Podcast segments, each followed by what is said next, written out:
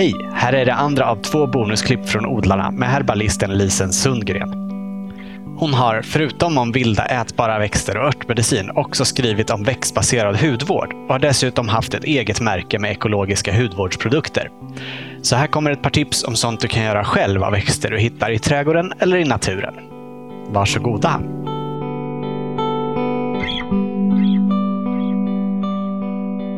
Ett som är enkelt, som man inte ens behöver skriva ner receptet så på rak arm, det är saltskrubbar.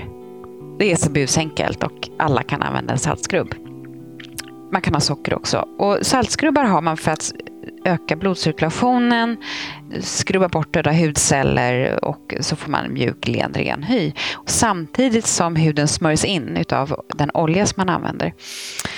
Och I princip så har man två delar salt eller socker och en del olja och en handfull blad eller blommor. Och Det kan vara rosenblad, björklöv, granskott, ringblomsblad. Ska man ta vad man är sugen på bara? Eller? Ja, precis. Mm. Mynta är jättefint.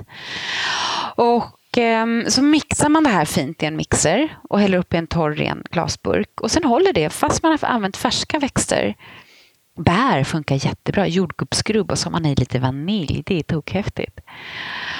Och luktar, alltså det är helt det är så sinnligt som man blir alldeles galen.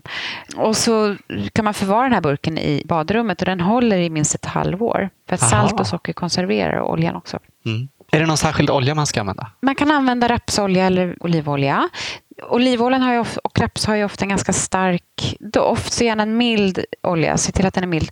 Eller så har man en mandelolja, en mild sesamolja. Mandel är ju fantastiskt, för det passar de flesta hudtyper. Så bara mixar man det där och så tar man en klick, man tar en dusch, tar en klick och smörjer in sig med den där. Masserar, masserar, masserar och så sköljer man av den och så är man jättelen och mjuk. Mm, härligt. Man kan eh, mixa det här är ju, det kan vara 1700-talsknep faktiskt. Om man tycker att man har väldigt mycket smultron och kan slösa lite, tar man smultron och bara krossar dem och mosar in i ansiktet.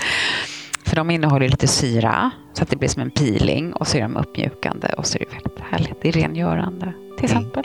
Eller så bara mixar man så persilja och yoghurt så har en rengöringskräm. Mm. Det behöver inte vara så komplicerat. Liksom. Bra med en rengöringskräm som inte gör något om man får i munnen. Nej, men eller så dricker man upp det som blir kvar. Liksom. Mm. Mm.